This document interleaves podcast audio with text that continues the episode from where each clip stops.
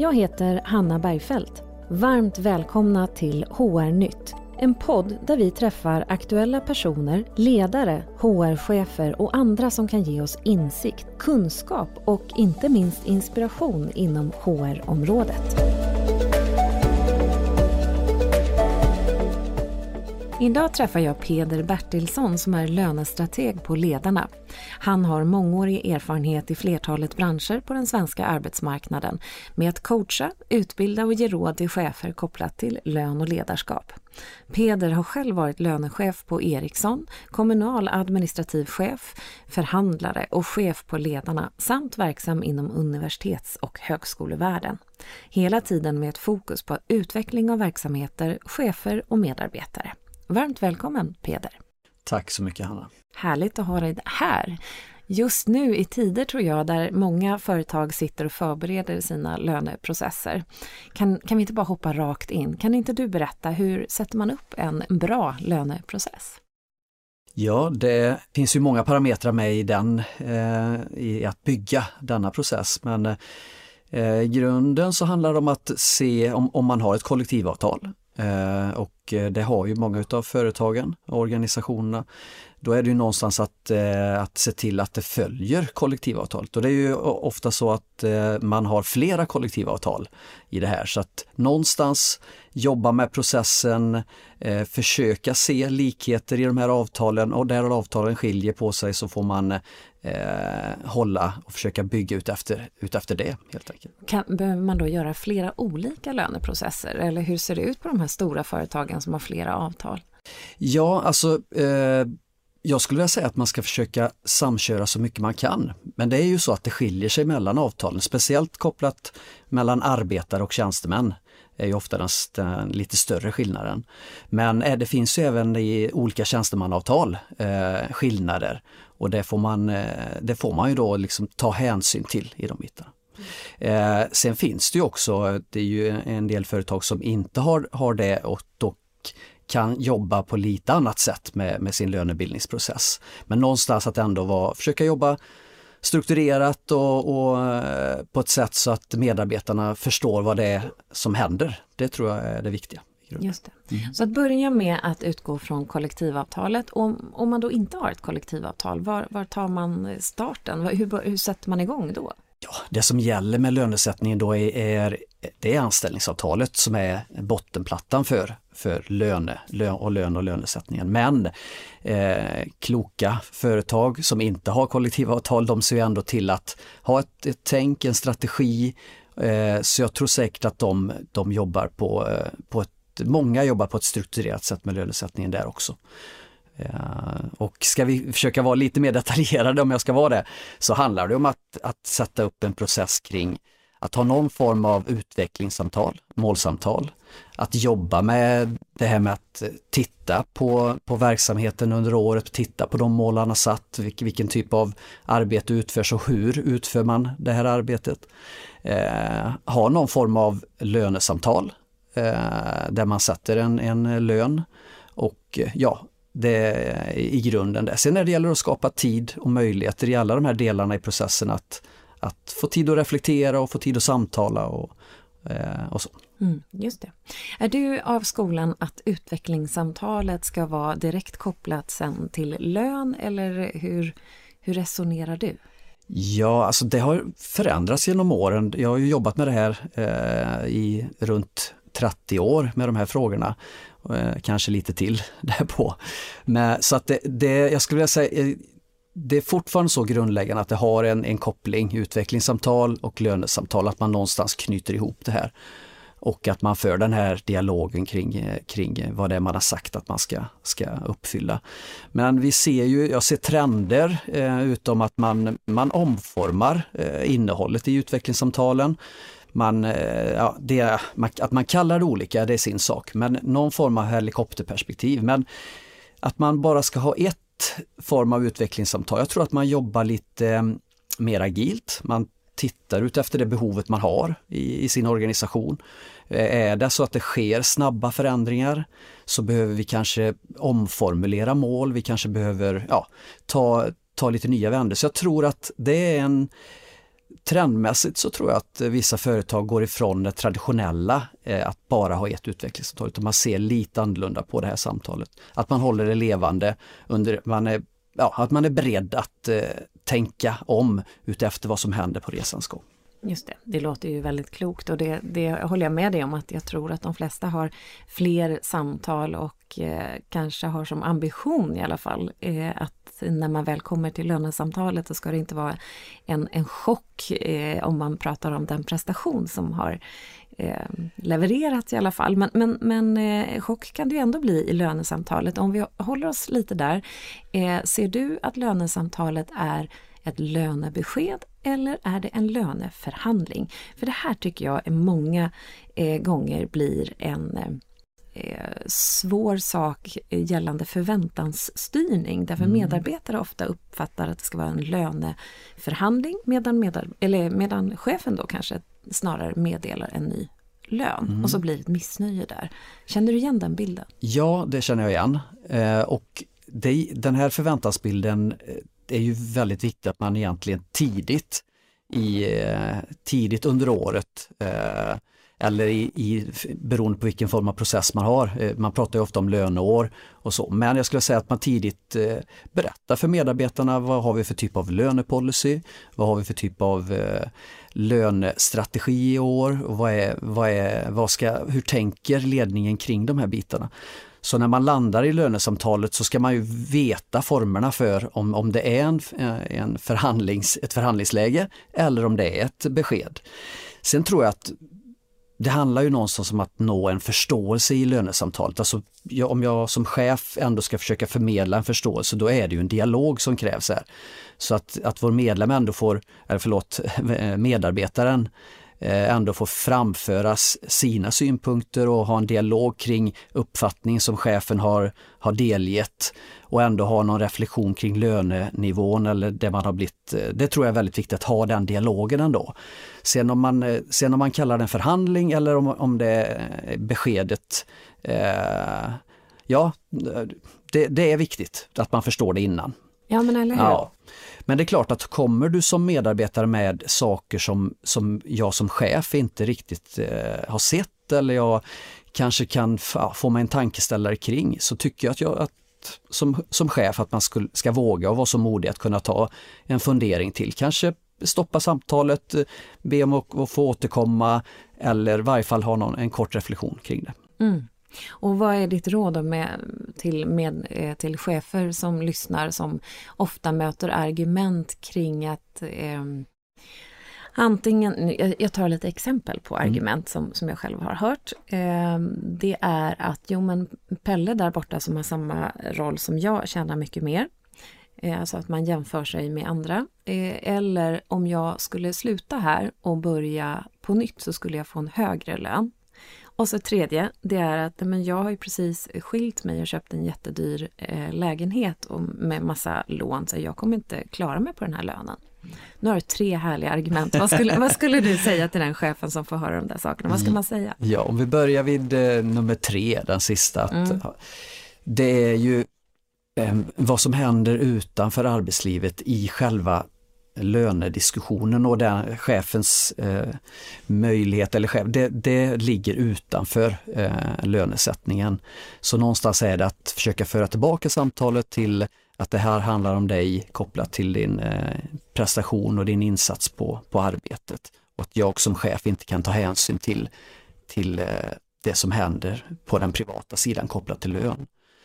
Eh, sen ska vi se, du hade... Eh, ja, det är så många argument. Ja, kan... om, om, jag jämför med, det första var det att jämföra sig med en kollega. Ja. Mm. Då, eh, och det är ju inget konstigt, det är ju, det är ju egentligen väldigt vanligt. Någonstans så har man ju ett, eh, sätter man ju sig själv i, i, i, det perspektivet som medarbetare.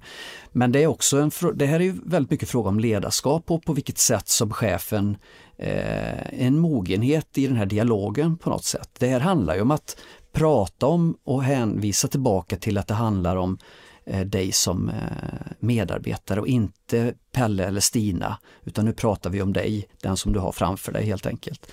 Och på ett klokt och bra sätt ändå föra tillbaka samtalet till den, dess prestation eh, i det här. Och sen att kunna någonstans, du bör som chef ha en ha, ha koll på lönestrukturen. Naturligtvis är ditt, det är ju lättast att ha koll på strukturen i, i ditt egen, på din egen enhet. Men du behöver ha en koll på den strukturen, hur det ser ut utanför din enhet på bolaget också. Och jag skulle vilja säga att ha någon form av omvärldsanalys och stöd även hur det ser ut i, i branschen eh, tycker jag är, är saker som är, du skulle kunna ta fram och ta upp. Eh, om du inte har det, att du skulle kunna få hjälp av om det finns någon form av HR-funktion eller något annat, att du får det stödet. För då kan du möta den här typen av eh, eh argument på ett klokare sätt. Ska vi se tvåan där med, det kan vara spännande att svara på. Ja. men den, den ska du få höra här nu.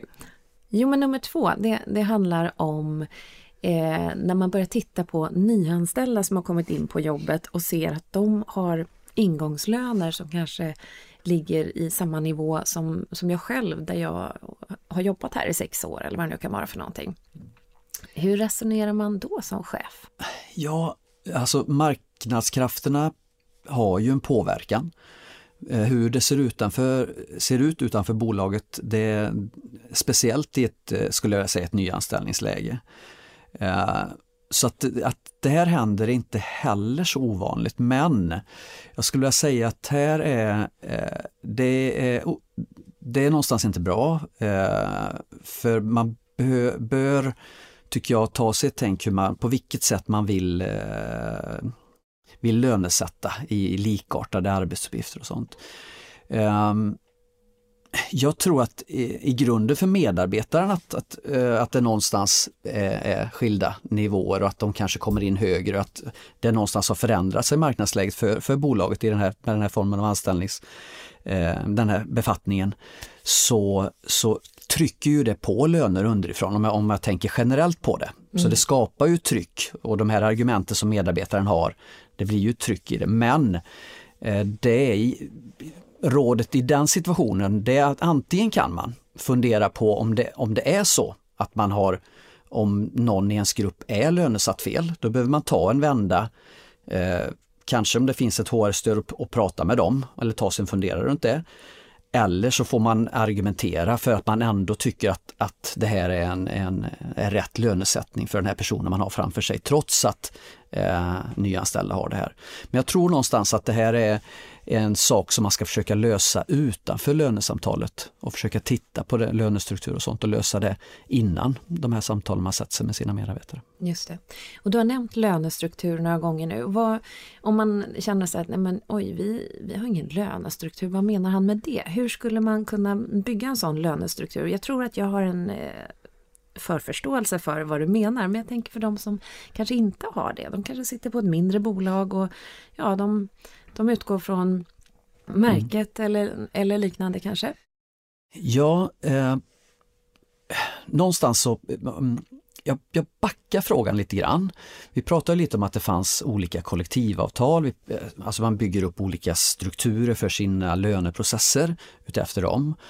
Och där finns det ju, i kollektivavtalen så finns det olika perspektiv, om du tar det till exempel är kopplat till märket. Så. Det finns eh, kollektivavtal där man, eh, där man ansluter sig till märket, där man eh, ändå har eh, en samordning runt det. Men så finns det ju kollektivavtal som därifrån jag kommer, ledarna, eh, vårt ledaravtal eller våra processlöneavtal som inte har siffersatta centrala, centralt löneutrymme där har i grunden har du en, en, en, det handlar om lokal lönebildning där. Då försöker man flytta lönebildningen så långt ut och så lokalt som möjligt och egentligen anpassa det efter företagens förutsättningar så mycket som möjligt.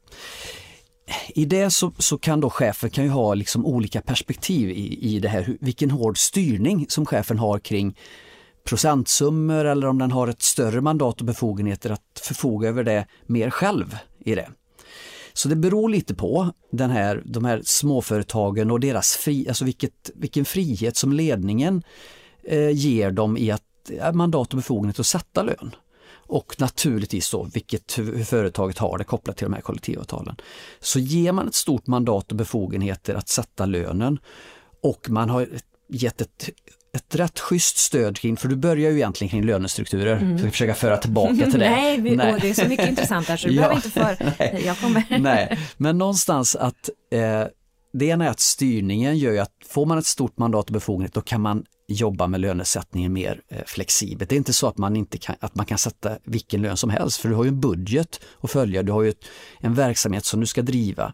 Men har du en, en större styrning av procentsummor, då blir det en, en, tycker vi, en större låsning, tycker jag, en större låsning i det sista. Där Men tillbaka till lönestrukturen, har man inte så mycket koll på den, det är klart att då sitter, man, sitter chefen i ett lite större dilemma om den får argument kring att jag, jag, varför inte jag lönesatt som andra i min bransch eller jag inte lönesatt som, som till och med mina kollegor om man har väldigt lite förstå, eller förståelse mellan varandra inom bolaget.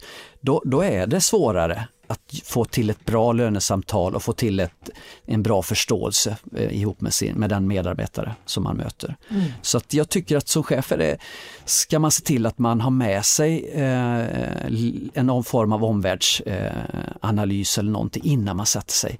Man kan göra en liten hemmasnickrad, man kan fråga sina chefskollegor, hur ser det ut och hur, hur tänker vi runt det här? Och, alltså om man nu inte har en struktur upp, uppbyggd, om man inte har det här HR professionella HR-stödet och så vidare. Då ska man själv göra en, en liten form av enkel omvärldsbevakning kan man säga. Ja men det låter, ju, det låter eh, klokt. Men, men eh, kan vi inte prata lite mer om de här sifferlösa avtalen? Jag tycker det är jättespännande. Jag, jag träffade ett bolag för inte så länge sedan och så skulle jag hålla en utbildning för deras chefer om hur man håller det goda lönesamtalet. Eh, vilket var jättekul. Jag skulle så gärna vilja säga vilket fint bolag det var, men jag, jag låter bli nu. Eh, men, men otroligt fina ledare och chefer eh, som vi fick träffa. De hade helt sifferlösa avtal och där jobbade både HR och de fackliga väldigt fint tillsammans, uppfattade jag. Eh, och man verkligen satte mandatet hela vägen ut hos cheferna att sätta de här lönerna. Eh, Ändå kunde man uppleva att cheferna kanske tyckte att det inte var helt lätt. Har du mött det också och hur kommer man runt det i så fall? Mm. Det är kul att höra att du har träffat bolag där jag tycker att det låter som att det rent strukturellt ser helt perfekt ut. Att man jobbar gemensamt, eh, led, alltså ledningen är tydlig med vad de vill. Att HR och fack och chefer och fack har ett, en gemensam syn kring det här och att man känner att man har ett bra stöd för att kunna hålla de här lönesamtalen, förstå de här processerna. Eh, men det, det, är klart att lönesamtalet är, har en inneboende mekanik, så jag säga att den, den att man kan känna sig lite utsatt och egentligen både som chef och som medarbetare. Vi ska prata om vi ska prata om en individ, man ska ge feedback på prestation, eh, man ska eh, någonstans försöka mötas i den här förståelsen. Eh, så jag skulle säga att, det, att man ändå att det finns en, en, en viss inneboende dramatik kanske lite fel ord, men ändå i det. En laddning, ja, tack. en laddning i det här som ändå skapar att man tycker det är lite speciellt det här samtalet. Ehm, sen tror jag att det här kan man minska. Eh, den här laddningen kan man minska genom att man under året eh, pratar verksamhet, eh, man pratar utveckling, man pratar om det man har kommit överens om att vi ska göra. Och, ja, I grunden, jag tror att är man duktig och bra på att ha rätt mycket avstämningsmöten så, så tror jag att man minskar laddningen inför det här samtalet. Mm.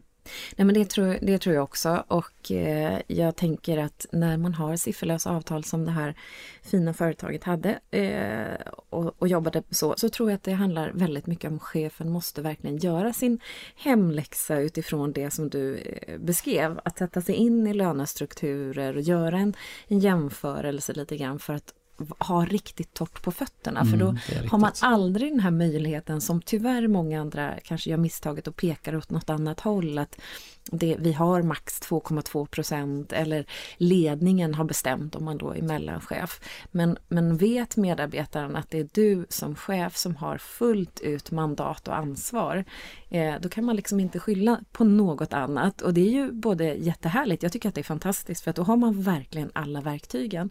Men man, det kan ju bli jobbigt för att då, då måste man verkligen göra sin läxa och man kan inte skylla på någon annan. Jo. Så eh, ja, men väldigt eh, spännande.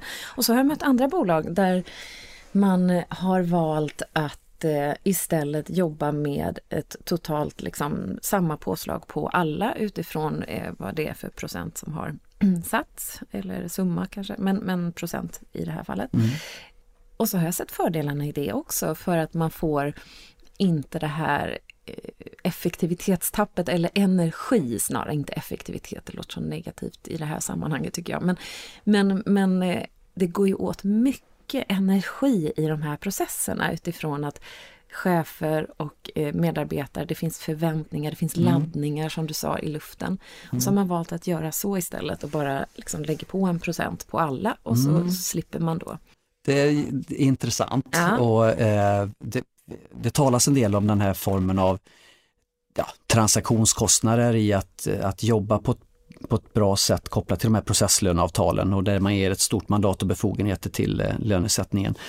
Eh, men det är, jag skulle vilja säga att eh, gör du det här eh, på, ett, på ett smart sätt, nu är jag tillbaka i de här eh, process, eh, processerna med sifferlösa Eh, konstruktioner där du har gett mandat och befogenhet långt ut. Ja, men gör du det på ett klokt sätt och ett smart sätt, då, är, då jobbar du in det i den vanliga verksamhets, verksamheten där det ändå handlar om att prata om eh, vad ska vi göra och, och hur, hur, hur, jobbar eh, Kalle och Stina runt de här bitarna och så vidare. Alltså man man eh, jobbar med det vanliga jobbet men att det ändå handlar om att det är detta som ska bedömas i slutändan. Eh, tillbaka igen till det här med, med, så där tror jag man kan något sätt minska den, eh, jag ser inte att det ska vara ett, egentligen om, om det här funkar bra, att det är ett energitapp i det, utan då blir det mer kopplat till, till att samtalet någonstans ändå kräver förberedelser och så. Eh, det är ju någonstans att eh, i, i det här att ge mandat och befogenheter till chefen att vara chef, då vill jag koppla tillbaka lite till ledarskap, ändå trycka på att du ger ju chefen i form av den här typen av, eh, av sifferlösa avtal och de konstruktionerna, då ger du chefen ett stort mandat och befogenhet. Du ger dem också en möjlighet att vara chef fullt ut. Så jag tror att du var inne lite på det här att man måste stå för sin lönesättning och våga vara modig i det här. Någonstans handlar det om att, att vara modig att utöva sitt ledarskap fullt ut, att ge en, en bra feedback eller en motivation som ändå förstås. Så att du är på någonting. Och i det andra då, där man då eh, ger kanske, nu är ju det en ytterlighet som du beskriver, det är lite för att vi ska diskutera mm. förstår jag också, men det finns ju där man det finns några få avtal där man andra och kan, kan finnas på arbetarsidan skulle jag säga, där det kanske läggs ut mer eh, klumpmässigt en speciell nivå. Eh, I vissa fall kan det vara tariffer och annat men då är det ju reglerat mer på ålder och en viss erfarenhet. Men det är klart att du, du, har ju inte rikt, du får ju inte alls den eh, kopplingen till, till en form av motivation och form av ändå ett produktions, eh, en möjlighet till att, att nyttja eh, den här lönebildningen strategiskt på ett, på ett, på ett annat sätt som jag tycker du får med med ett, eh, de avtalen som vi pratar om. Nej, jag, jag håller med dig och så samtidigt ser jag att det finns fördelar och nackdelar med allt. För man kan ju också se att, att en lönerevision kanske inte driver motivation i, i allra högsta utsträckning, i alla fall inte långsiktig motivation. Eh, men, men eh, du ser skeptisk ut där. men, men det där kan vi ta med, med någon motivationsexpert kanske. Men, men, men oavsett eh, vilket eh, Eh, så kan jag ju också då tänka att jo, men en revision ska ju egentligen inte vara Alltså, jag tänker så här, nu, nu provocerar jag lite, men, men eh, du har ett anställningsavtal så utgår vi ifrån att du ska göra ditt jobb bra utifrån vad du liksom ska leverera där. Så egentligen så ska ju inte revisionen vara liksom en, en, en morot på det viset, tänker jag, utan då ska du ju snarare jobba med en justering om du har fått utökat ansvar eller nya arbetsuppgifter eller så. Eh, nu provocerar jag dig lite så ja. får jag höra vad du säger. Berätta ja. lite. Jo, ja, men jag, nej, jag håller inte med dig nej. riktigt nej. så. Eh, nej, alltså motivation, jag kan hålla med dig om det här att motivations, själva lönehöjningen som man får, det är kort, det säger ju forskningen att det är en kort motivation i det. Så det handlar mycket om att skapa en, en, en process så att det blir en legitimitet i den och en tillit till processen att personen känner att jag, jag, jag litar på min organisation här och min chef i det här. Jag kommer att bli sedd, vi kommer att diskutera det jag har gjort och så vidare. Och det är den processen du får en mer långsiktig motivation och en möjlighet till en produktivitetsutveckling. Eh, men tillbaka till, eh, du, ehm, eh, kan du hjälpa till mig tillbaka? Jag, jag, kan hjälpa dig tillbaka för jag provocerade dig lite också så ja. att det här med revision, du ska ju få en revision på en lön ja. där du faktiskt förväntas redan att du ska göra ett bra jobb så att du ska inte få extra mycket pengar året efter om du har gjort ett bra jobb ja. som vi redan var överens om. Det var lite Nej, det, det, Och man kan inte heller säga, ge du får för lite för att du gjorde ett dåligt jobb. För har du gjort ett dåligt jobb då borde du ju då borde vi ha ja, en helt annan typ av samtal. Det är helt riktigt. Nu provocerar jag lite, ja, berätta men, nu vad du jag tänker. Tycker, jag tycker att du, du, är, du är inne på någonting att eh, vad, är en, vad är en prestation eller en fullgod prestation och en bra prestation och så vidare. Och den formen av det tycker jag att man ska prata om innan. Det ska man inte prata om under, under lönesamtalet egentligen utan man ska, det ska man ha en dialog med sin grupp eller enhet eller inom sitt bolag mellan cheferna och sen ska man prata med medarbetarna om, om de här bitarna också så man förstår det här tänket. För att visst, du har, du är, har ett anställningsavtal, du har en uppgift du ska utföra och du, eh, du är satt att göra det. Så att bara för att du gör det på ett hyfsat sätt så är det ju inte så att du, du, får, att du har en jättegod löneutveckling på det, utan någon form av utveckling i det här och någon form av stretch i målen och att du utför din prestation på ett, på ett bra sätt. Eh, det, det, är ju då du har en möjlighet att få en, för, en bättre löneutveckling. Mm. Exakt så. Och det, det tänker jag att man måste också våga vara lite modig och säga och kanske våga ha en sån lönestruktur där man eh, är ganska transparent, apropå transparens som snart ja. kommer bli aktuellt också. Jag vet inte om du eh, känner dig påläst och vill prata om det här med transparens? Jo då, transparens är ett, ett nyckelord mm. i, i att skapa tillit och skapa en legitimitet för sitt, sitt, eh, sin löneprocess. Mm. Nej, men jag, jag, tänker att det vore ju jättebra för då kan man ju också prata om att ja, men om du vill ta dig till nästa nivå i den här strukturen då kommer det här att krävas. Och klarar man att vara så pass tydlig då blir det ju kanske inte heller några frågor. Det låter lite förenklat men... Ja, alltså jag tror alltså lönestrukturen är, tycker jag är ett verktyg för, för, eh, för cheferna. Sen ska man inte som tillbaka till det du berättade om det här eh, kloka bolaget som, ändå, som gav mandat och befogenheter långt ut och lönesätta. Då är, tyck, då är nog inte lönestrukturen i fokus så mycket utan det handlar ju väldigt mycket om, om eh, individen och hur den personen eller medarbetaren hur den agerar och så. Men lönestrukturen blir ett stöd för chefen i att se i löne, lönesättningen. Jag tror att lönestrukturer och löneboxar har en, en ett problem med det är att det, det, är lätt för chefer att gömma sig bakom dem, att inte man får samma kvalitet i samtalen om man fokuserar för mycket på de här taken och nivåerna i det här. Utan mm. mer tillbaka igen till vem är det jag sitter framför, på vilket sätt har den personen utfört sitt arbete och att ha fokus på det. Och så har man lönestruktur och annat som en, som en information med sig själv in för att man ska lönesätta på ett klokt sätt i, helhet, i, i ett helhetsperspektiv. Då. Just det. Och om man nu som medarbetare känner att ja men det är ju bara för att chefen gillar Pelle där borta mycket mer. Eh, så att eh, eh jag kommer alltid snett undan och sådär, eh, eller fel ut mm. av lönesamtalen. Vad, vad ska man... Eh... Alltså det, det är ju... Det, du som chef måste ta dig en funderare på hur du hur du tänker, så backa lite från innan samtalen.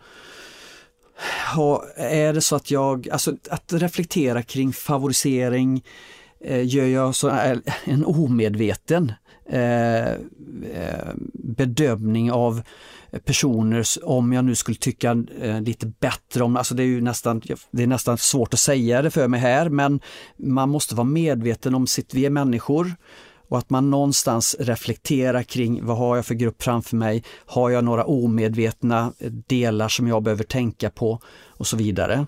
Så det ena är, alltså, det ena är att när man, när man hör det här så får man ta sig en egen funderare runt det. Men sen självklart eh, hamna i en i diskussion och reflektion att tillbaka igen, att det handlar inte om eh, Pelle och Stina utan det handlar om, om dig Kalle som jag har framför mig och hur, hur du har agerat och presterat och sånt. Så det här pratar jag både om inför samtalet, hur man förbereder sig och tänker igenom sådana här saker, till att när man sitter i samtalet och möter, då ska man ju snabbt försöka föra tillbaka samtalet på, på personen. Det går ju inte att, den typen av diskussion, eh, den vill man ju inte eh, hamna, hamna i eller eh, den ska man ju inte förstärka då i samtalet i varje fall. Nej, Nej men Nej. så är det ju verkligen. Och jag tänker att dels fundera utifrån någon form av favorisering eller vem man känner sig lik eller vem man skrattar mest med ja, på lunchen. Ja. Men det finns ju andra eh, aspekter mer lagreglerade också som kan vara bra tänker att vi tar upp och påminner lite grann om. Eller hur? Jag tänker allt ifrån eh, som, som, kvinna kan det vara lätt att komma ihåg att man har den här eh, lönekartläggningen som man också behöver göra eh, årligen och det kanske kan finnas input utifrån den som man behöver ta hänsyn till. Ja. Eh, vi har ju det med diskrimineringslagar och, och vi har eh, eh, föräldraledighetslagar och så vidare som eh, inte ska påverka Eh, självklart inte. De är ju till som ett stöd för att, att eh, det ska motverkas. så det behöver jag ju som chef fundera igenom.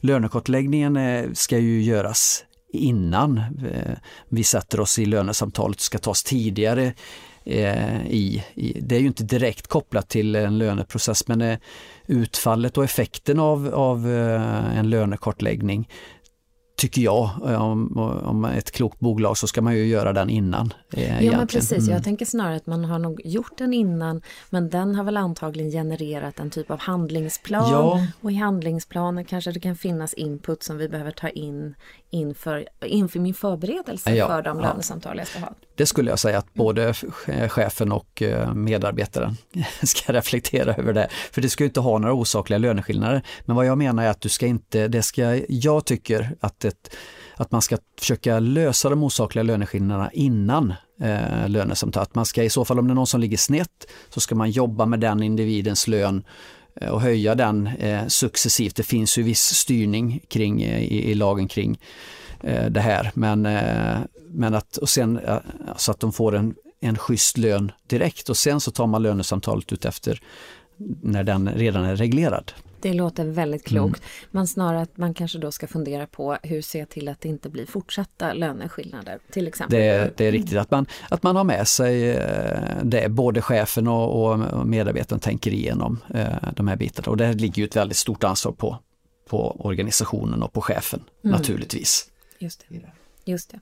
Och så nämnde du diskrimineringslagen, du nämnde föräldraledighetslagen och sen så har vi väl även den här förtroendemannalagen också? Jo, eh, absolut så att det är är du facklig företrädare så ska du självklart eh, inte få sämre villkor på grund av ditt uppdrag. Och det, eh, jag, jag är ju från ledarna mm. och vi eh, har ju många företrädare i, i, i, vår organisation och det ser ju vi som, eh, skulle det uppkomma så är, så är det ena är att då hjälper vi till med de bitarna och tittar på de bitarna också. Mm. Man ska inte ha sämre, men man ska inte ha bättre heller, tänker jag. Nej, absolut inte.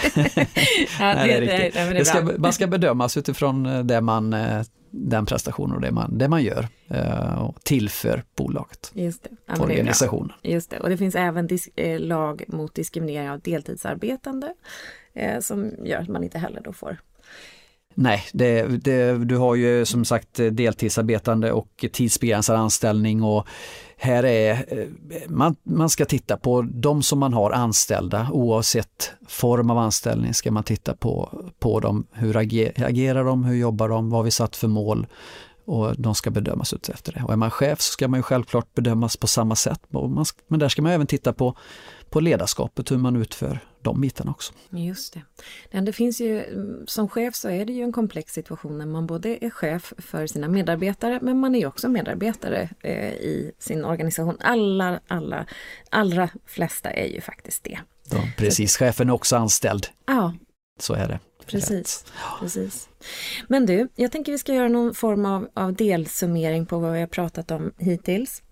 Och du sa att eh, känna till, du började, tog egentligen utgångspunkt ifrån kollektivavtalet, att man ska känna till det kollektivavtal som man har och det kan finnas flera kollektivavtal på en arbetsplats sa du och ibland skiljer sig processerna åt lite grann, då får man förhålla sig till det och eh, göra det bästa av situationen. Men ofta så går de ju relativt enkelt att tillämpa på ungefär samma sätt. Det finns en del skillnader. Man får titta på den lönepolicy som man har och den lönestruktur som man också har satt i företaget, om man nu har satt en sån. Mindre företag kanske varken har kollektivavtal eller tänkt igenom en lönestruktur. Nej. Och sen att man som chef, tänker jag, oavsett om man har sifferlösa avtal eller inte, men att man faktiskt gör det där jobbet med förberedelser och tittar på eh, en, en, både en omvärldsanalys utifrån att det kanske kommer in nyanställda på andra nivåer idag, eh, men också att man tittar på gruppen som helhet och att man då säkerställer att man inte eh, varken eh, favoriserar folk i onödan eller att man diskriminerar på osakliga eh, grunder. Man har väl aldrig någon saklig grund å andra sidan att diskriminera, så det var lite tokigt ja. uttryckt, men att det finns lite olika lagar och regler att förhålla sig till. Låter det, var det någonting jag missade där nu i, i eh, allt klokt som du har sagt? Jo, vet du, du pratar ju mycket om utvecklingssamtalet. Ja, det stämmer. Eller hur? Att, ja. att um, egentligen ha en pågående dialog, gärna eh, inte bara en gång per år kanske, utan att man har den här eh, lite mer agila sättet som du mm. nämnde, att man har dialog hela tiden. Det är riktigt. Det tål att tryckas extra på. Att eh, utvecklingssamtalet är oftast ett framåtriktat samtal och ett helikopterperspektiv på det som vi har varit inne på. Men att avstämningarna, den här formen av eh, avstämningar under året, där är en av nycklarna, eller där är den stora nyckeln till att få till ett schysst lönesamtal och en, ja, en förståelse för, från medarbetare eller den som blir lönesatt chef. Så där, där hittar du en av nycklarna till att få detta att funka. Jättebra. Och att också tyckte jag var klokt som du sa att, att informera tidigt eller i, organisationen kring hur ser löneprocessen ut i vårt företag? Hur jobbar vi med lön här? Eh, så att förväntan också blir rimlig och, och rätt inställd. Och har man de här löpande utvecklingssamtalen eller åtminstone dialogen kring utveckling så blir det inte heller en liksom, total eh, chock när man kommer till Nej. lönesamtalet. Mycket bra sammanfattning. Ja men vad bra, vad härligt. Jag fick med mig mycket klokt av dig eh, nu Peder. Och jag brukar avrunda med att fråga om misstag och det handlar ju om något misstag som du kanske har gjort eller har det alltid gått sådär galant för dig? Finns det något misstag som du vill dela med dig av som du har gjort som vi andra får lära oss av? Ja, jag, jag har ju varit chef ett antal år och i min, i, i min roll när jag, när jag bytte eh, från ett bolag till ett annat så, eh, så körde jag på. Det, det, jag hade väl varit eh, och jobbat ett halvår eh, på det här stället och jag skulle lönesätta mina medarbetare och jag, eh, jag hade två, eh, två av mina medarbetare som var eh, hade relativt likartade arbetsuppgifter och under många år så hade de haft lika eh, samma lön Eh, och jag, eh, ja, jag jobbar ju på ett sätt med individuell och differen differentierad lönesättning och vi skulle ju agera på det sättet och titta lite på. Så jag, jag eh, gav den eh, ena av personerna eh, 100 kronor mer i lön.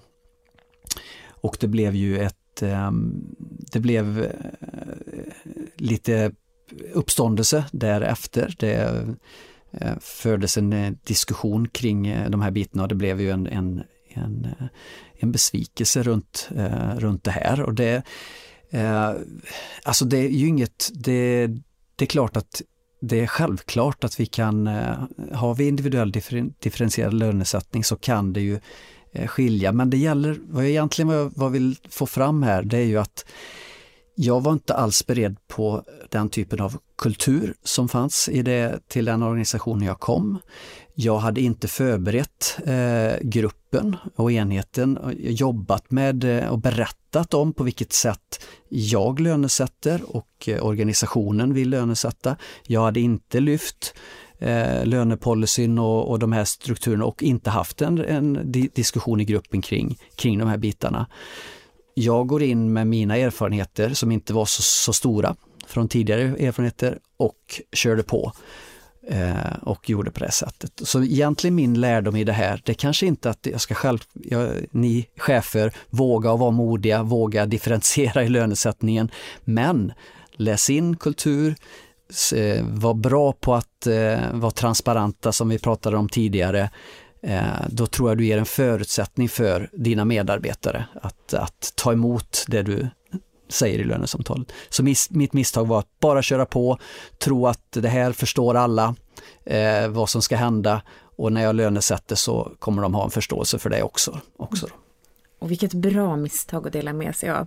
Då kan vi alla lära oss att inte göra så och det knöt ihop samtalet så fint. Så tusen tack Peder för att du kom hit och lärde oss eh, en hel del om löneprocesser och lönesättning. Tack ska du ha Hanna för att du fick komma.